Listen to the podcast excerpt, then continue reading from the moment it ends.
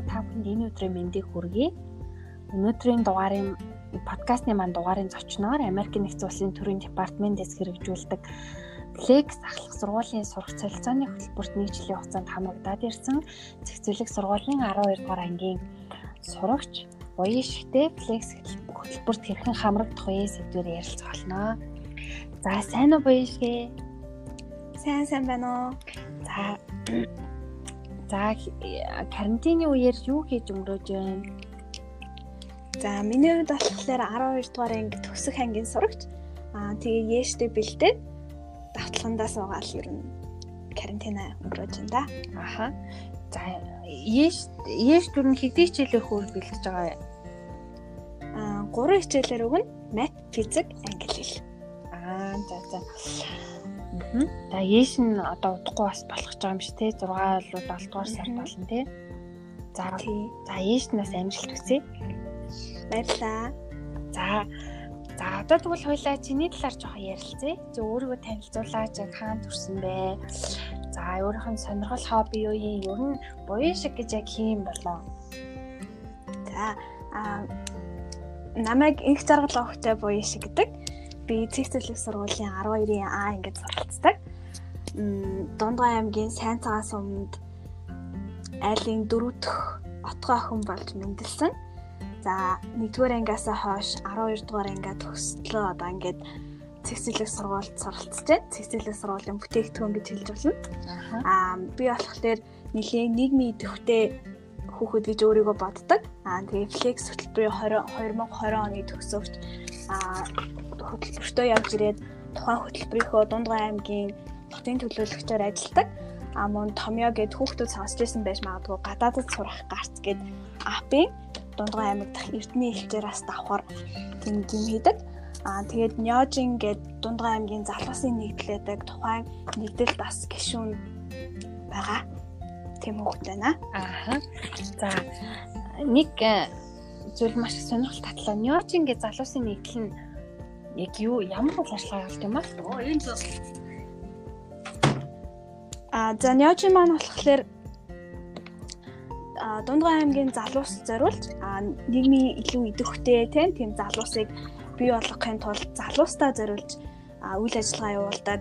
Ахлах ангийн сурагчид оюутан мөн ажил хийж байгаа явж ажлыг явж байгаа тийм залуусын тийм нэгдэл групп байгаа. Энэ нэгдэл группийнхаа хийсэн ажлуудаас дурдах юм бол өнгөрсөн 2020 оны 7 дугаар сард а 100 гаруй хүүхэдүүдийг хамарсан, хүүхэд залуусыг хамарсан movie night зохион байгуулсан байгаа. А мөн дээрэс нь өнгөрсөн 11 сарын ихээр Улаанбаатар хотод Дундгай аймгийн а залуусын дунд 3-ыг үржих нь 3 гээд сагсан бөмбөгийн тэмцээнийг бас зохион байгуулсан байгаа. За. За тэгвэл хоёлаа гол яриа руу оръё. За ерөнхийдөө чиний хамрагдаад ирсэн флекс хөтөлбөр гэж яг юу вэ? Одоо зөндөө олон хүүхдүүд сонсож байгаа ах тий. Тэгэхээр энэ хөтөлбөрт хамрагдахын тулд хүүхд яах юм? Ямар шаардлагуудыг хангасан байх юм? За тэгээ хэдвэр ангиас явах ёстой ерөнхий одоо танилцуулгыг хэлээ. За за флекс хөтөлбөр маань болохоор товчлсон байгаа. За ямар үгийг товчлсон бэ гэхээр future Leaders Exchange програм буюу ирээдүйн манлайлагчдын хөтөлбөр. За тэгээд Flex хөтөлбөр маань болохоор Америкийн засгийн газрын гадраас хэрэгжүүл санхүүжилттэй Америкийн консул хэрэгжүүлдэг. А анх болохоор Flex хөтөлбөр маань 1997 онд Америк нэгдсэн улсын ерөнхийлөгч Кеннедигийн удирдлагаар Оросын албаны улсын дагуул Азийн болон Европын улсуудын хүүхдүүдийг Америк соёлтой танилцуулах зорилгоор эхэлжсэн тийм хөтөлбөр а одоогоор бол 20 гаруй оронд хэрэгждэг. А Монгол улсад болохоор 2017 оноос хойш хэрэгжээд жил болгон 20 хүүхдийг Америк нэгдсэн улсад а амьдруулад Америк нэгдсэн улсын ахлах сургуульд нь сурулдаг ийм хөтөлбөр байгаа. За тухайн хөтөлбөр маань юу юу багтаадаг вэ гэхлээр а ирж Америк нэгдсэн улс руу очих болон буцаж ирэх хоёр талын тийзний онгоцны билетний зардал. За тэгээ сар болгонд 125 долларын стипенд өгдөг. а мөн одоо нөгөө нэг ахлах сургуультаа сурна те янз янзын үйл ажиллагаанд ороход нь хэрэг болох нэмэлт 300 доллар. За тэгээ дээрэс нь одоо ингээд бид нарт ахлах сургуулийн хүүхдүүд ч гэдэг дөнгөж 15 6 тай хүүхдүүд очиж байгаа. Тэгээ бид нарыг ингээд гэртээ байлгаад орон байраар те хангаад хоол хүнсээр хангаад тухайн нэг жилийн хугацаанд бидний ингэж тусалж дэмжих зочин гэр бүл олж өгдөг. За тэгээд тухайн хөтөлбөрт маань болохоор бас тавигдах хит хитэн шаардлага байдаг. За хамгийн ихний шаардлага маань болохоор төрсөн он сар өдрийг нь жил болгоныхаа шалгуулалтан дээр зааж өгдөг. За энэ 2020 оны шалгуулалтад болохоор 2004-өөс 2007 оны хүүхдүүд оролцсон. Ирэх жил бол ингээд 2005-аас 2008 оны хүүхдүүд гээд ингээд жил жилийн төрсөн он сар өдрийг заагаад өгчдөг. За хоёрдугаар шалгуур шалгуур нь болохоор заавал 9 10 11 дугаар ангиас сурагч байх хэвээр 12 эсвэл төрсөн он сар өдөр нь багтж байгаа ч гэсэндээ 12 эсвэл 8 дугаар ангийн хүүхэд бол тухайн шалгуулалтад орж болохгүй гэсэн. За тэгээ дээрэс нь мэдээж англи хэлний тодорхой түвшний мэдлэгтэй аа тэгээд аа Монголд сурж байгаа нөгөө нэг сургуулийнх нь дүн нь сайн ба дундаас дундаас дээш буюу 80%-аас илүү дүнтэй байх шаардлагатай. Аа сүүлийн шалгуур нь болохоор сүүлийн 5 жилийн хугацаанд Америкийн нэгдсэн улсад 3 сараас илүү хугацаанд амьдарч эсвэл очоогүй байх ийм шаардлагууд тавигдчихж байгаа. За тэгээд шалгаруулалтын тухай ярих юм бол флекс хөтөлбөр маань 3 шаттай. За эхний шат нь ер нь бол флекс хөтөлбөр жил болгоны 8 сард зарлагддаг. А эхний шат нь болохоор 9 10 сард болно. А 1 2 дугаар шат 9 10 сард а 3 дугаар шат нь болохоор 11-ээс 12 сард зарлагддаг. А тэгээд тэнцсэн хүүхдүүдийнх нь хариу нь болохоор 4 сард гараад а хэрвээ бүр ингээд тэнцээд явхаар болчихоо бол 6 сард явах гэж байгаа хүүхдүүд маань чиг баримжааны сургалт гээд 4 хоног тэрэлждэр тийм вакуумжуулсан сургалтанд суугаад а үнэхээр дараагаар 7-оос 8 сард Америкийн нэгдсэн улс руу явдаг тийм хөтөлбөр байгаа. За тэгээд яг шалгаруулалтын тухай илүү дэлгэрэнгүй ярих юм бол нэгдүгээр шат нь болохоор жижигхэн англи хэлний тест авагддаг. Тухайн англи хэлний тест маань болохоор 16 асуулттай. А тэр 16 тестэнд болохоор 15 минутын хугацаанд ажиллаж өгөх хэрэгтэй. Нилээн хурд шаарддаг тийм англи хэлний тест байгаа. Гэхдээ энэ англи хэлний тест маань болохоор бүр тийм амар хэцүү зүйл бол биш. А яг нөгөө нэг флекс хөтөлбөрт хамрагдахын тулд шалгуур дээр нь дундаас дээш англи хэлний мэдлэгтэйгээ заасан байдаг болохоор яг л тэр дунд төвшөндөө багтсан тийм тест байдаг. За 16 асуултын маань болохоор 10 10-аас 11 нь болохоор яг дөрмийн тийм тест байдаг. За үлдсэн 5-аас 6 асуулт маань болохоор нэг жижигхэн параграф их уншаад тэгээд а дугуулах тийм уншлагын англи хэлний тест авагддаг. За хэрвээ энэ англи хэлнийхээ тестэндээ тэнцчих юм бол 2 дугаар шатанда орох хэрэгтэй болдог гэсэн үг. За 2 дугаар шатанд болохоор 45 минутанд 3 эссе бичүүлдэг.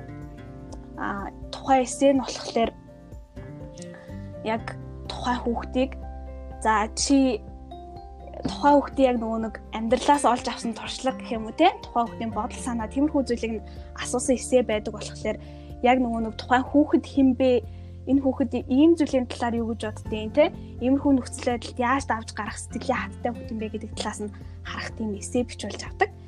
За тухайн эссег нь болохоор хурааж аваад флекс хөтөлбөр маань болохоор DC Америкийн нөгөө нэг нийслэл хот руу Америкийн консулын төв байр руу явуулаад за тухайн Америкийн консулаас гарсан тусгай баг энэ эссег нь уншаад тэгээ 3 дугаар шатнд тэнцэх хүүхдүүдээ сонгодог. За 3 дугаар шатнд тэнцсэн хүүхдүүд маань болохоор а 3 дугаар шатнд 1-р шатнаас арай илүү гүнзгий сонсох болон уншлагын англи хэлний шалгалт өгдөг. А тэгээд дээрэс нь бас яг 2 дугаар шаттайгаа адилхан 2 эссе бичүүлдэг. 2-оос 3 эссе. За тэгээд дээрэс нь ярилцлаганд ордог. А дөрөв дөх 3 дугаар шатнд хийлэгдэх зүйл нь болохоор юм урт аппликейшн бүглүүлдэг.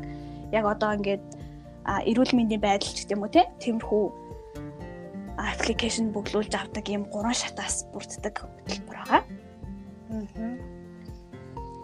Тэгэхээр ерөнхийдөө бол чиний хувьд яг энэ шалгаруулалт өгөөд явж ах одоо хугацаанд аль нь илүү хэцүү байсан бэ? Яг чамд тулгарсан одоо асуудал юм уу? Одоо чинь эсээ бичүүлсэн гэж. Тэгээ эсэн дээр одоо эсээ одоо миний хувьд айгүй чухал зүйл юм шиг санагдлаа л да. Тэгэхээр өнөөдөр эсээгээ хүүхдүүд бичих тулд яг юу гэлөө голчилж бичих хэрэгтэй вэ?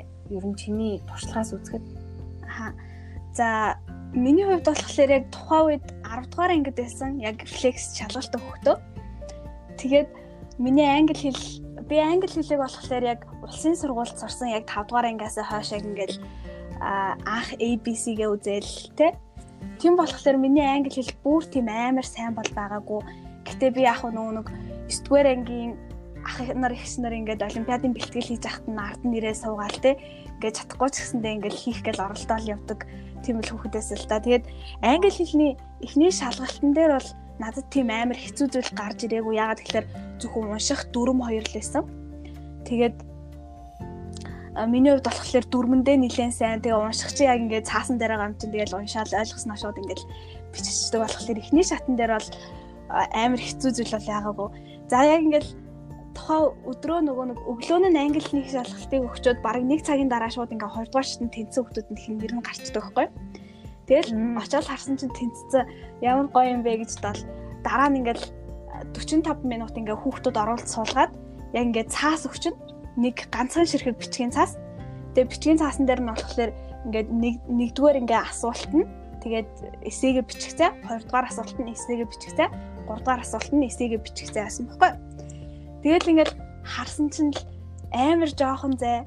Гэтэ миний ингээд бичих юм ингээ монголоор ингээ толгойд орж ирээ. За би иймэрхүү юм бичнэ гэж бодчихэрнэ. Нөгөө нэг зайндаа ингээд англиар юмаа бичих гэсэн чинь чаддгүй. За зөө гэж чичгүй яаж за энэ өгч юу лээ гэл яг үнийг хэлэхэд тухайн үед би бүр амар сандарч ирсэн.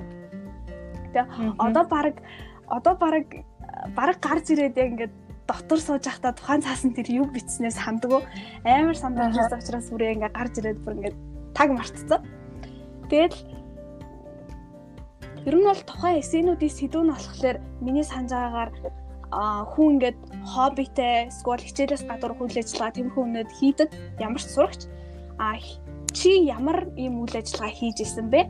А тухайн зүйл хобби чинь те хийж исэн зүйл эсвэл хобби чинь чамд ямар зүйлийг зааж ойлгуулсан бэ? А нөгөө асуулт нь болохоор сүүлийн 3 жилийн хугацаанд чамд ямар хэцүү хүнд бэрх зүйл тулгарсан? Тухайн зүйлийг чи хэрхэн давж туулсан бэ гэд нэг тиймэрхүү утга санаат ер нь л яг л миний талаар асуусан те ингээ миний амьдралын туршлага гэх юм уу надад тохиолдсон зүйлсийн талаар би юу гэж бодсон тухай асуусан тиймэрхүү эсэнүүд байсан. Тэгээд би болохоор яг үнийг хэлэхэд 2 дугаар шатанд оршоод өөрийгөө тэнцээгүй л гэж бодож байсан. Тэсэн чинь ингээ нэг сарын дараа надраа залхаад тэнцсэн байна гингүүт би бүр бараг ойлон хаалт амар баярлж байсан. Тэгээд яг ингээд эсээ яг ингээд флексинг флекс хөтөлбөрт явъя гэж зорж байгаа хүүхдүүд бол аль болох яг ингээд өөрөх нь амьдралд юу тохиолдчихсэн те? Тиймэрхүү зүйлсээ ингээд амар сайн дотроо бодоод за хэрвээ надад ийм асуулт гарч ирэх юм бол те би ингэж хариулна да. За миний амьдрал тохиолдчихсан одоо ингээд хамгийн гоё үйл явдлууд эсвэл сурамжтай үйл явдлууд юу байсан бэ гэдэг талаараа жоох ингээд тархиндаа ингээд бодцоод очсон нь хамаагүй дээр юм шиг санагдсан. А тэгээд эсээ бичиж сурах тал дээр бол англи хэлний бичгийн чадварыг бол бичсээр агаад сайжруулах хэрэгтэй юм билээ. Одоо ингээл за ийм асуулт ирвэл би ингэж чиндээ гэл ингээл орхосоо өмнө нэг 2 3 эссе ч юм уу тийм бичээд үзсэн. Тэгээ хүнээр уншуулад фидбек буюу нөгөө нэг а яахаараа нэхэрээ ингээд асуулцсан тий тэгж орвол илүү сайн юм шиг санагдсан. За тэгээд 3 дугаар шатн дээр очисон 3 дугаар шатн дээр бас адилхан яг 2 дугаар шаттай адилхан ингээд эссе бичүүлж авч ирсэн. Тэгээд би 2 дугаар шатн 3 дугаар шатн дээр очихоос өмнө жоохон нөгөө нэг за иймэрхүү асуултууд орж ирж исэн. За нэг иймэрхүү сэдвүүдээр бичээд үзье гэсэн байдлаар бас бичээд өмнө нь бичсэн жоохон бэлтгэсэн байсан болохоор бас гайгүй сандраагүй эсэн дээрээ. За тэгээд англи хэлний шалгалт аавна гэж ороод ирсэн чинь нэстэ жинхэнэ хэцүү байсан да. Аа тухайн англи хэлний шалгалт маань болохоор баг 2 цаг үргэлжилсэн баха. Аа нэгдүгээр шин дээр авч исэн шалгалт айгу амар 15 минут авагдаад Тэгэл болцсон. Тэгсэн чинь 2 цагийн турш ингээд унших, сонсох гэдэл хоёрхан л чадвар дээр шалгалт авч байгаа байхгүй. Тэгээ миний хувьд болохоор ерөөсөө ингээд бичгийн англи хэл буюу ингээд дүрм мэддэг, унших мэддэг. За бичгтэрээ гайгүй. Тэгсэн чинь сонсгол бүр үнэхээр байхгүй. Би өөрөө нэг тийм амар сонсгол дээрээ сайн байгаагүй. Тэгэл сонсголоо сандран барай хийгээл за уншлагаа бол гайгүй тэгээд хийцэн. Тэгэд а яг энэ 3 дугаар шатн дээр бэлтгэхийн тулд нэлээд л сонсох дасгал хийх шаардлагатай юм шиг санагдсан. Тал нь сонсвол тал нь болохоор уншлага байсан. Тэгээд энэ шалгалтын ихэнх хувь нь сонсгол байгаа учраас сонсгол дээрээ бас хүмүүс маань агүй сайн бэлдээрэй гэж хэлмээр байна. Аа мэдээж уншлага дээрээ ажиллана энэ тентхийн сайтаас те мэдээ мэдээлэл эний тэрэ уншиж бэлдвэл илүү зүгээр юм шиг санагдсан. За 3 дугаар шатн дээр бас ярилцлага орж ирдэг л те. А миний хувьд бас ярилцлаганда яг үнийг хэлэхэд би ярилцлагандаа орохоос өмнө за за зүгээр дээ би энэ хүртэл яваад ирсэн юм чинь чадчих байлгүй дээ гэл ягаад гэхээр нэгдүгээр шатанд болохоор тухайн жил яг энэ жил эдгээр хэдэн хүүхэд орсныг би сайн мэдэхгүй. Гэтэ яг тухайн жил нэгдүгээр шатанд 900 хүүхэд орж исэн. Flex хөтөлбөр таамаглах гээд. А тэгээд а 3 дугаар шатанд болохоор 45 билүү 50 эдэн 52 жилийн хүүхэд тэнцэжсэн байхгүй. 900 хүүхдээс. Тэгээд тухайн 50 40 эдэн хүүхдээс 20 хүүхэд нь шалгарна. Тэнгүүд хамаагүй 900 хүүхдээс 20-д багтжсэнээс 50 эдэн хүүхдээс 20-д багтах нь хамаагүй одоо нөгөө нэг магадлал ихтэй гэх юм уу? Тэг ч одоо би за за би чадах байхаа гэж амар ихтгэлтэй орсон ярилцлагандаа яг үнийг хэлээд тэгээд нөгөө нэг ярилцлагандаа ингээд хүүхдүүдээ баг баг болгож хуваагаад тэгээд ингээ хамтдан жоохон тоглоом тоглоулаад их тиймэрхүү юм юм хийлэгдэг байхгүй ярилцлагын өмнө Тэгэл би нөгөө хүмүүстэйгээ танилцаад ирсэн чинь вау ямар мундаг ангилалтай юм те ямар мундаг нээлттэй юм ингээл амар мундаг санагдал. Тэгэл ярилцлаганд ингээд орхихоо өмнө жоох сандарч яа ийм мундаг хүмүүсийг би ч барахгүй байна да гэл. Тэгэл орж очиад ярьжсэн чинь ингээд яриан дундаа би өөрөө ингээд тайвширсан яг ингээд гой сэдвэр яриад хэрвээ чи ингээд Америкт очих юм бол яах вэ те Америкт очиод хамгийн түрүүнд юу хиймээр байна гэсэн чинь яг ингээл миний нүдэнд ингээл амар гоё ингээл төсөөллүүд орж ирэл тэ. Би ингэмээр энэ тэгмээр энэ гэл тэгэл тухайн яриан дундаа би өөрөө ингээд сандралаад авцсан байхгүй юу? Тэгээд ер нь бол ярилцлаганд угаасаа өмнө нь орж үзээгүй хүүхдүүд байгаа тийм дөнгөж 10 дугаар ангийн хүүхдүүд 11 дугаар ангийн хүүхдүүд болохоор мэдээ сандрах бах. Гэтэ нэг сандраад ах зүйл байхгүй тухайн хүмүүс чамайг чамаас нөгөө нэг ингээд амаар шалгалт авч байгаа биш яг чиний л тухайн асууж байгаа болохоор 50 ороод би яг яах вэ? Энэ асуултанд яг ингээ үнэн шударгаар хариулахын тулд те айгүй тайван ерөөсөө ингээ паниктахгүй байж байгаа л хариулах нь чухал юм бэлээ. Тэгээд аа ярилцлаган дээр болохоор ийм байдаг л да. Англиар орж болдог, монголоор орж болдог хоёр төрлийн сонголт өгдөг. Аа за. Тэгээд би болохоор монголоор орж исэн. Түрүү хэлсэнчлэн миний сонсгол бас ярих чадвар харьцангуй муу байсан. Тэгээд англиар ярилцлага өглөөгээд монголоор ярилцлага өглөөгээд ямарч одоо ингээд оноо хасах эсвэл оноо нэмэх ямарч тийм асуудал байдгүй. Яг ингээд дотор нь болохоор нэг Американ одоо ингээд Америкаас ирсэн Америк хүн аа тэгээд Монголд яг энэ флекс хөтөлбөрийг хариуцдаг нэг хүн ингээ хоёр хүн сууж байна. Тэгээд чамаасаа ингээд асуултаа асуугаад хариултуудыг чинь бичиж аваад байж байгаа. Тэгээд ер нь бол флекс шалгалт өгж байгаа хүүхдүүдэд зөвлөж хэлэх хамгийн том нэг л зүйлээ тэгэл та. Юу гэхээр үнэн байх хэрэгтэй. Яг өөрийнхөө л байх хэрэгтэй. Аа яг нөгөө нэг аппликейшнийг чинь ингээд уншиж байгаа, эсэх ч уншиж байгаа, чамтай ярилцлага хийж байгаа хүмүүс яг ингээд цаанаасаа ингээд бэлтгэгдсэн. Яг тэр эсэх ч уншаад ийм хүн байна гэж дүгнэлт хийдэг ярилцлагыг чи а сонсоод за энэ дээр худлаа ярьсан байна те энэ дээр үнэн ярьсан байна гэдгийг чи ингээд мэддэг тийм хүмүүс байгаа болохоор яг үннээрээ а өөрийнхөөрөө би яг хинбэ гэдгээл тухайн а шалгалт авч байгаа хүмүүстэй таниулах нь хамгийн гол юм байна гэж ойлгосон. Аа тэгэд миний хувьд болохоор нөгөө нэг а флекс хөтөлбөрийн 3 дугаар шатныхаа тэр англи хэлний шалгалтын дээр амар сандарсан, амар айцсан Тэгээд сонсголоо жоохон муу хийсэн байсан л та. Тэм болохоор а Америк явахаас өмнө а Молдов улсад очисон. Европын Молдов улсад а тэгээд хэлний бэлтгэл 1 сарын хугацаанд суучаад тэгээд цаашаа явж исэн. А тэгээд бас энэ дээрээс харахад ер нь бол хаяа бас жоохон ингээд а шалгалтандаа муудан авах ч гэдэг юм те тэрхүү зүйл айгуу тийм а ач холбогдолтой гэх юм уу давуу талтай байдаг юм шиг санагдсан л та. Яг тэгэхээр хэрвээ а энэ тэр шалгалтанд би жоохон сайн хийсэн байсан бол би Молдов явж чадахгүй. Тэгэд Молдов Молдовт бол тэр англи хэлний ам а кемп гэх юм уу? Тэр кемп маань болохоор ингээд бусад флекс а хөтөлбөрөөр явагддаг орнуудын бас ингээд надтай адилхан хүүхдүүдийг ингээд цуглуулад а миний бодлоор нэг 51 2 хүүхэд байсан. А Польш улсаас, Молдов улсаас, Кыргызстан, Казахстан гэл ингээл флекс болдог тэр 20 эдэн орноос ингээд хүүхдүүд ирсэн. Тэгэл ингээл нэг нэг нэхээ соёлоо суралцаад нэг сарын хугацаанд хамт кемп дээр амьдраад англи хэлээ сураад бүр айгүй гоё ингээд турсамжийг үлдээсэн бохгүй тэр зам. Тийм болохоор бас аа хаяа бас жоохон фейлдах давуу талтай юм байна гэж бодсон. Гэтэ яг байнга ингээд унаад явах юм болчихгоо хөл тээ. Ам Тэгээд ер нь бол нөгөө юм болгоо хоёр талтай гэх юм тийм ээ. Ам Тэгээд флекст орохоос ямар нэгэн байдлаар айж байгаа ч юм уу те. За би тэнцлээгээд ямар англи хэл сайтай штэ чадахгүй дээ гэж бодож байгаа хүмүүс маань битээ агаараа флекс хэрвээ чамайг англи хэлч өмнөхөр жоохон муу байх юм бол те. А ингээд хэлний бэлтгэлд явуулж өгдөг. Америкт эхний бэлтгэлд очичоод Америкт очиод бас хэлчин сайн биш ах юм бол цаанаасаа флекс бүр чамд ингээд англи хэлний багш те гаргаж өгөөд ингээд англи хэл дээр ч анхаардаг тийм айгүй гоё хөтөлбөр аахгүй юу?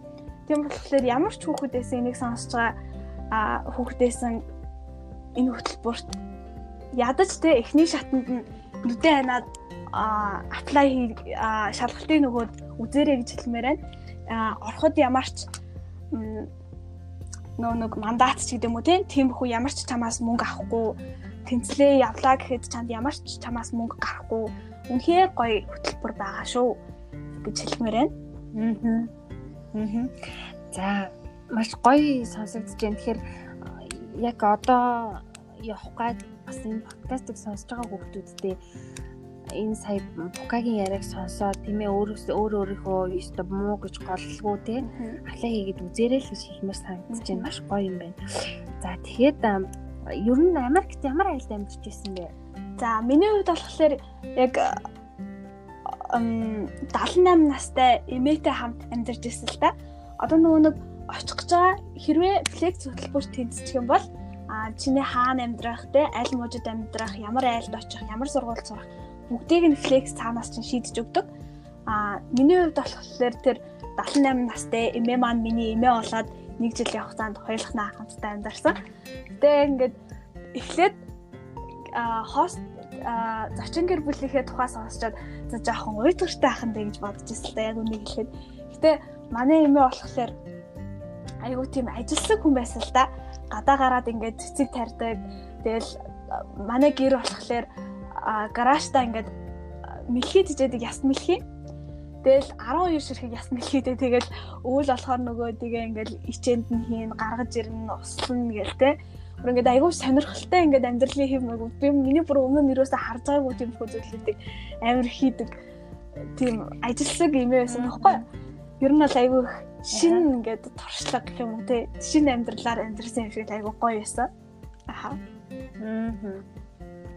Аа. Юу ерөнхийдөө бол чамд ингээд Монголд 10 жил сурах, Англид 10 жил, Америкт Америкт 10 жил сурахын одоо ялгаа нь юусан боловсролын юм ч юм уу эсвэл одоо багш нар нь хүүхдүүдтэйгээ харилцах эсвэл хүүхдүүдийнх нь хандлага мэдээж маш өөр байгаах. Чиний бодлоор ер нь юу нь илүү чамд илүү сонирхолтой даваа болон сул талтай юм шиг санагдсан бэ? Аха. За, Америкийн ахлах сургуулийн талаар ярих юм бол сургууль сургууль муж мужаасаа хамаарат өөр өөр байдаг л та. Гэхдээ яг ингээд дийлэн хийжлэхэн зүйл нь болохоор яг чиний авах ёстой гурван төрлийн хичээл байдаг. За эхний хичээл нь болохоор англи хэлний хичээл. А хоёр дахь авах ёстой хичээл нь болохоор мат тооны холбогдлолтой хичээл. А гурав дахь нь болохоор шинжлэх ухааны холбогдлолтой хичээл. а тухайн гурван хичээлийг бол чи семестр болгонд заавал зайлшгүй авах хэрэгтэй байдаг. А тэгээд бусад а хэрвээ сургуульд чинь өдөр болгон 6 хичээл ордог бол үлдсэн 3 хичээлийг чи өөрөө сонгоно гэсэн үг. Хэрвээ 7 өдөрт 7 хичээл ордог бол чи үлдсэн 4 хичээлээ өөрөө сонгоно гэсэн үг байхгүй.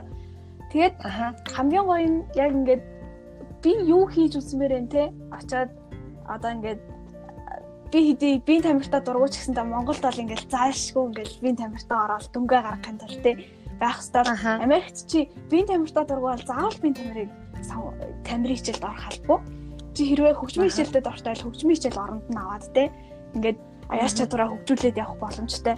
Тэгээд Америк ахлах сургуулиуд болохоор яалтч шүү Монголын ахлах сургуулиас одоо тэсөө бүр ингээд наад зах нь форум өмсдгүү те. Форум өмсдгүү тэгээд очингууд ингээд самбар мамбар нь ингээд э, мэдрэгчтэй жах шиг те. Бүр ингээд амар ингээд шал өөр. Тэгэл бүр ингээд а манай сургуулийн нөгөө нэг театрын танхим нь одоо хөгжмийн урлагийн танхим нь айгүй тийм хөгжил хөгжсөн тэгээ ингээд сургууль дотроо баг ингээд 100 хийлтэй. Тэгээ манай сургууль болохоор нэлээд том сургууль эсэл та 1500 хүүхэдтэй а 9 10 11 12 дугаар ангийн ингээ ахлах сургуулийн сурагчдаа нийлүүлээл 1500 хүүхэдтэй. Тэгэл бүр ингээд маш том сургууль тэгээд тэр урлагийн танхимд нь болохоор бүр тэр хөгжмийн зэмсэг, театр тэ тэр гэрэлтүүлэг бүр ингээд амар дээд түвшиндээ хөгжсөн. Бараг л мэрэгжлийн театр шиг тийм театртай. Тэгээд тэр театртаа ингээд сурагчид нь өөрсдөө тоглолт хийдэг. За тоглолт хийхдээ тэр тоглолтынхоо хувцас бол тоглолтынхаа тайз засал гэрэлтүүлэг гэдрийг сурагчид нь бас өөрсдөө хийдэг. Тэгээ яг тэр хувцсыг нь яаж авах юм, гэрэлтүүлгийг нь хэрхэн хийх юм те. За одоо энэ жүжигийн зохиолыг хэрхэн найруулах уу нэтрэгээд бүр тийм тэр болгонд нь юм ангиуд байдаг байхгүй юу? Манай сургуульд болохоор. Тэгээд ингээд аа өвөл болонгууд ингээд симфони тийм тоглолт болдог. Одоо ингээд найрал хөгжмийн тоглолт Тэнгүүт ингээл хийлийн ангийн сурагчид нь хийлээ тоглоод найрал дууны ангийнх нь найрал дуугаа дуулаад те бүр ингээд айгүй олон төрлөөр нь хүүхдийг хөгжүүлэх тийм боломжуудыг олгодог. А дээрэс нь тэр боломжуудыг олгохдоо ингээд а юу гэдвүлээ? Одоо ингээд тэр хангах материал те хэрэглэгдэх материал янз бүрийн юмнаад юмудаар нь айгуусаа хангаж өгдөг. Одоо шинжлэх ухааны анги гэхэд л миний хувьд болохоор биологийн анги авч ясаа л та. Тэгэд биологи дээрээ бид нар болохоор айгүй олон туршилт хийжсэн. Би бараг Монголд биологийн хичээл дээр тийм их туршилт хийж үзэж байгаагүй. Би нэгэн семестр авсан нэгэн семестрийнхээ туршид а 10 гаруй туршилт хийж үзчихсэн. Хамгийн сонирхолтой нь болохоор ингээд мэлхий тий мэлхий авчираад ингээд нөгөө зүгээр мэлхий штэ. Нөгөө усны мэлхий авчираад одоо ингээд үхсэн мэлхийл байгаа юм л та жоохон ярихад моохай. Гэтэ яг тэр мэлхийн дээр ингээд а дөрвөн хүүхдийн дунд нэг мэлхий. Тэгээ тэр мэлхийн дээрээ задлан идэг. Аа. Тэгээ бүр амар за. Тэнгүүтээ ингээд шалгалт авч байгаа байхгүй. Тэгээ тэр тухайн мэлхийн дээрээ шалгалт авдаг ингээд задлцсан мэлхийн дээрээ ингээд эд эрхтнүүд дээр ингээд тоо тавьсан. Нэгдүгээр а нэгдүгээр тоотой эд эрхтэн ямар эрхтэн бэ ч гэдэг юм уу те. Тэгэл бүр тийм амар а би ихтэй яг тэр туулайг задлж үзэж байгаагүй. Гэтэ яг тэр туулай задлж үзэж байгаа ангийн задлцсан туулайг харсан бас амар тиймэрхүү бих мэдсэн тиймэрхүү зүйл амар хийлэгдэг. А айгуу сонирхолтой. Аа яа гоё. Яг нөгөө жинхэнэ практикт хүүхдүүдийг суулгах гэж ойлгож байна. Тэгээ зөвхөн нөгөө номноос нь хичээлийн үзүүлээ төсөөлүүлээд байх шүү дээ. Аа. За чамд ер нь Америк тахт чинь нэг хөгжилтэй явдал тохиолдож ирсэн ер нь мэдгүй ч юм уу эсвэл одоо бүр анх удаа харцсан шоконд орох эсвэл магадгүй чамд маш гоё дурсамжийг үлдээсэн хөгжилтэй явдал үйл яриач.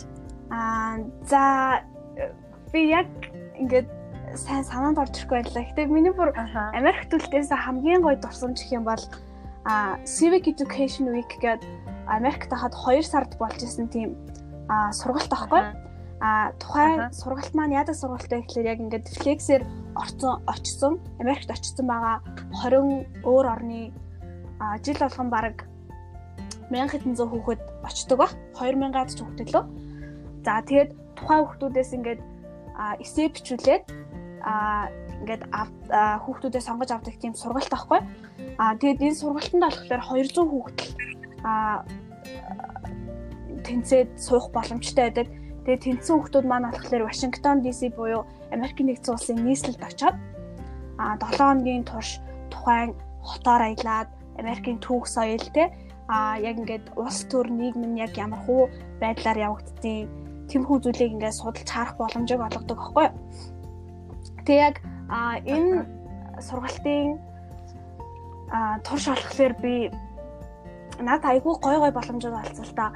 А бид нар болохоор яг тэр Америкийн төрийн департамент дээр очиод яг одоо энэ бүр ингээд Америкийн тэр төрийн департамент дээр очиод тэгээ ингээд Монгол Америкийн гадаад харилцааг хариуцсан тэр одоо хүнтэй ингээд уулзаж байгаа байхгүй уулзаад тэгээ ингээд манай Монгол сурагчид ийм байдаг Америкт ирсэн чи ийм байна. Би очиод иймэрхүү зүйл хиймээр байна гэдэг юм уу те. Эсвэл Монголд Америкаас одоо иймэрхүү тусламж үзүүлвэл үнэхээр гоё аа бид нэр Америкт ирээд ийм зүйлийг харлаа. Энэ Монголд байсан ч болоосаа гэдэг юм уу те. Тэмхүү зүйлийг ингээд тэр хүмүүс дуу хоолойгоо хүргэх те. Тийм боломж олдож байгаа байхгүй. Тэр боломж бол нэрэ хамгийн гоё зүйлээсээ. Тэгээ бас дээрэс нь Америкийн төрийн ордонд очиж үзсэн. А төрийн ордонд нь очиод тэгээ бид нарт нөгөө нэг одоо бүх хүүхдүүд маань одоо ингээд миний хувьд болохоор West Virginia мужи, Ohio мужи гэдэг юм уу те өөр өөр мужуудаас ирсэн хүүхдүүд байгаа штэ. Тэгээ тэр мужийнх нь сенатор төлөөлөгч одоо монголоор ярих юм бол улсын их хурлын гишүүн гэх юм уу те а тийм хүмүүстэй ингээд биднийг уулзуулах боломж олгосон байхгүй хамгийн гоё юм. Тэгээ би бүр яг ингээд тэр монголоор ярихад улсын их хурлын гишүүн штэ а West Virginia мужийн төлөөлөгчтэй уулзаад те. Ингээд яриа өрнүүлээд тэгээд яг тэр өрөөгөр нь зочлоод ямар хуу газар ажилтیں۔ ямар хуу ажил хийх ингээд тэднийг нь хараа явахад бүр айгуу гоё байсан. Маш гоё боломж. Хэр баргийн ингээд гадны орны хүүхдэд те Америк улсын улсын улсын тэр можийн төлөөлөгчтэй уулзаад бас улс одоо ингээ хоёр улсын хоорондох харилцааг хариуцсан хүнтэй уулзаад дуу хоолойгоо өгөх те. Тэмхүү боломж хизээч олдохгүй. Энэ бол хамгийн гоё боломж. Тэгээд яг энэ сургалтаас би юу ойлгосон гэхээр бүр ингээд хамгийн одоо ингээд мундаг агуу тиймэрхүү зүйл айгүй энгийн байд юм гэдгийг харсал та. Одоо ингээд Америкийн тэр ингээд төрийн ордон руу орж байгаа байхгүй юу? Тэнгүүт зүгээр л ингээд миний ингээд ингээ онгоцны буудлын нөгөө нэг шалгуул шалгах төмөө хөөрөмжөр гардаг штэ ингээл хамгийн маа юмд хийгээл ингээл юмаа шалгуулаад. Яг тэр шиг ороод чи тэгэл хаач очсон байж болно. Хаач очоод ингээд хурал дээр нь очиж сууж болно ч гэдэг юм уу те янз янзын тиймэрхүү зүйлээр айгүйх очиж болох юм. Айгүй нээлттэй тийм засгийн газар шиг санагдсан. Тэгээд тэр айгүй а можийн төлөөлөгч нь ч гэсэндээ те айгүй их юм мэддэг амар мундаг хүн ч гэсэндээ ингээд зүгээр нэг хөгжлөө орны те жохоо нэг 15 настай охинтой ингээл юм яриад суугаал юмаа харуулаад те ингээл юмаа хуваалцаал тэр бүр айгүй гоё байгаа байхгүй амар энгийн тэр айгүй мундаг юм шиг санагдсан Аа энэ нөгөө юм хөгжих тусмаа энгийн болно гэж тэр юм дээ. Гол санагдаж байна хаа. За. За чиний ер нь яг энэ хөтөлбөрт хамрагдсан ч юм уу эсвэл яг одоогийн яг туршлагаар ярихад чиний яг авалж авсан гурван чухал зүйлийг чи хэлээч.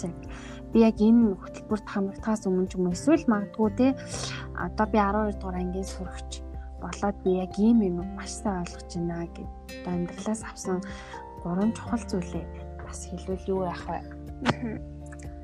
Аа за за нэгдүгээрт нь бол хөдөлмөр бол хүний бүтээдэг гэдэг үг гэдэг шүү дээ. Тэрнтэй би бүр 100% санал нийлдэг болсон.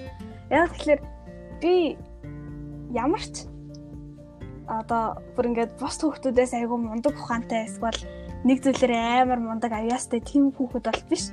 Зүгээр л тэр а бус 12 дугаар ангийн хүүхэд бус дахлах сургуулийн хүүхдүүдтэй л адилхан жирийн л нэг хүүхэд.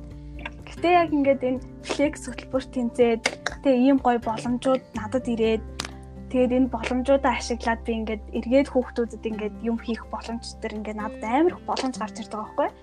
Энэ боломжуудыг яагаад за бус хүүхдүүд ш надад ирж байгаа юм бэ гэдгийг хараад үзэнгүүт зүгээр л хөдөлмөр байгаа байхгүй.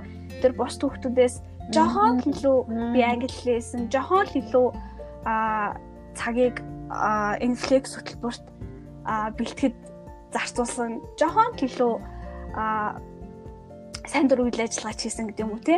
Жохон л тийм хөдөлмөр илүү хүчин чармайлт гаргацсан болохоор энэ бүх гой боломжууд надад ирж байгаа гэж хардаг. Тийм болохоор хөдөлмөр хүнийг бүтээдэг. А хоёрдугаарт нь болохоор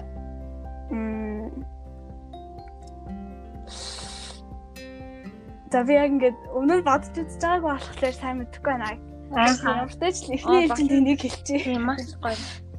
Ааха маш тийш ер нь бол хөдөлмөр хүнийг бүтээдэг гэдэг чинь маш тийм гоё үг. Угаасаа өмнө үг тий.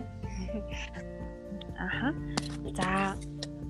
За ерөнхийдөө манай Бука ер нь ирээдүйд ямар мэрэгчлээ хүн болно гэж бод төлөвлөж байгаа вэ? Аха.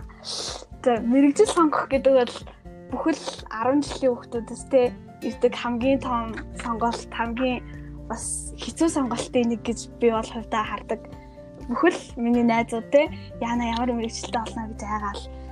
Аа миний хувьд болохоор мэрэгчлээ бараг 10 дугаар анги төгсөхдөө сонгосон байсан л та.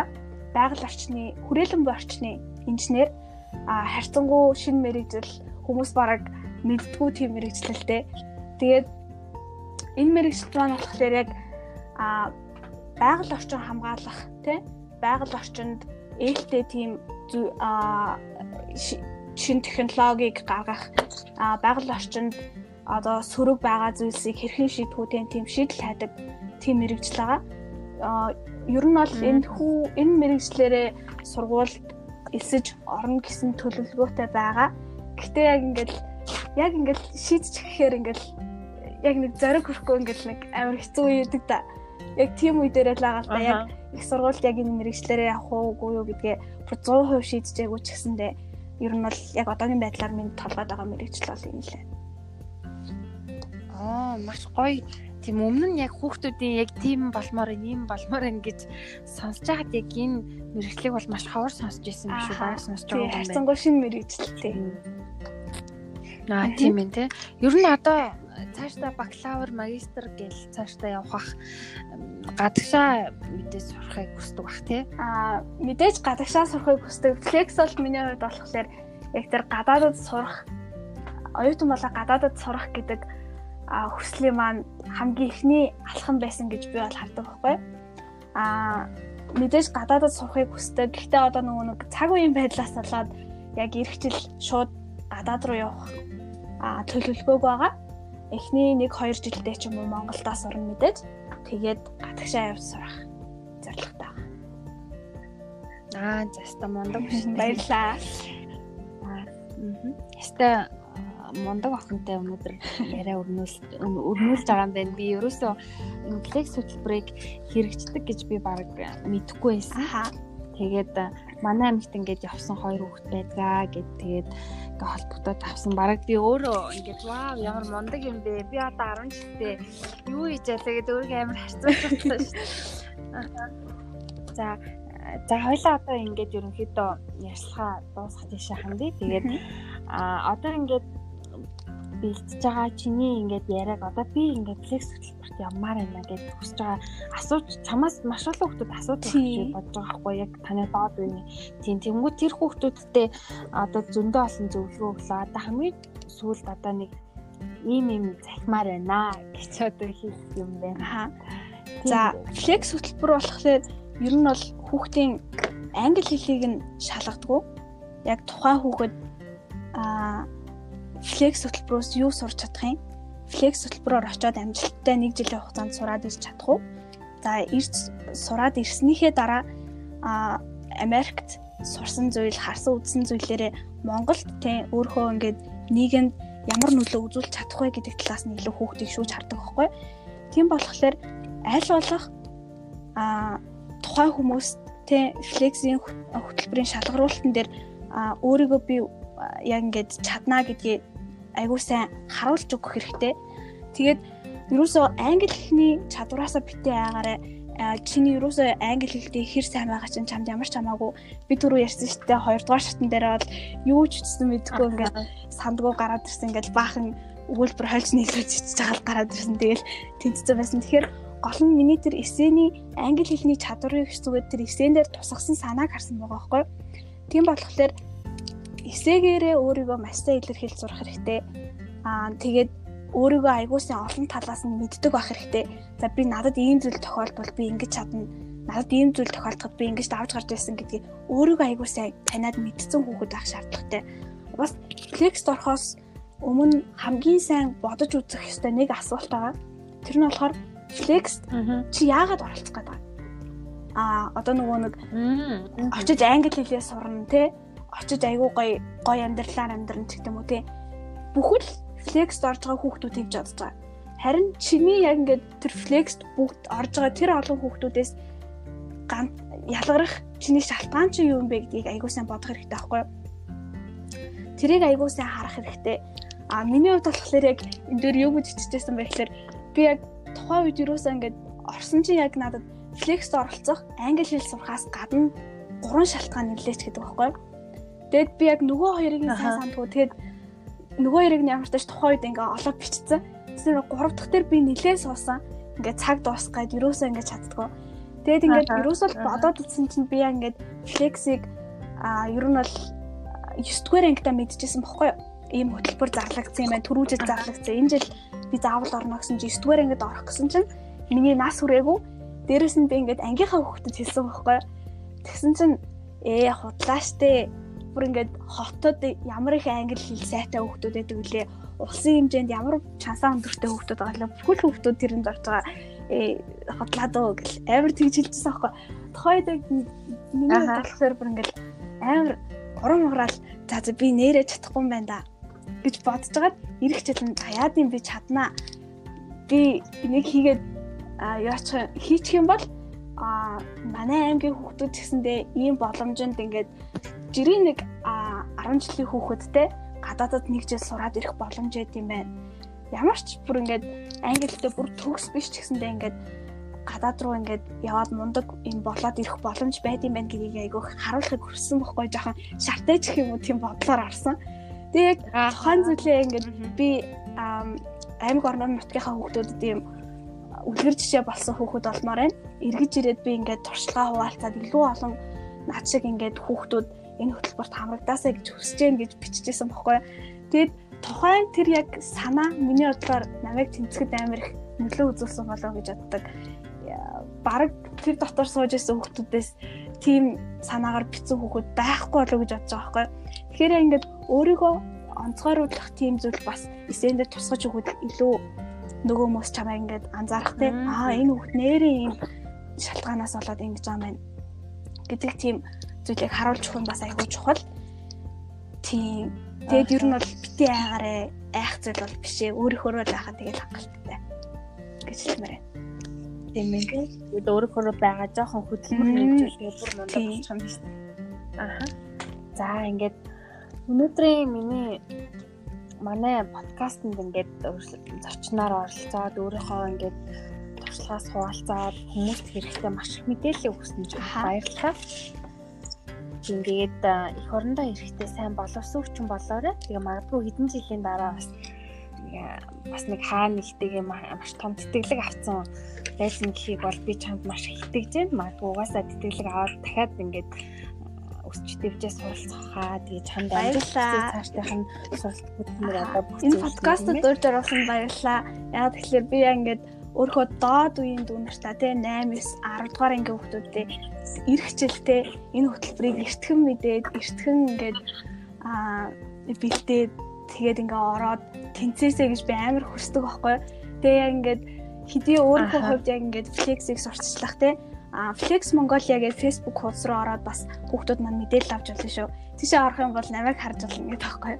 Тэгтээс ингээд тухайн Facebook хуудас арч юм уу те ингээд ямар нэгэн үйл ажиллагаа, ивент зохиогоод ингээд Flex хөтөлбөрийн талаар ингээд хүүхдүүдэд мэдээлэл өгөхийн тулд миний хувьд болохоор айгүй их юм хийдэг. Өөрөө чадах чинээгээрээ хийж байгаа. Гэтэ бүр амар хангалттай сайн бодчих шилтэй.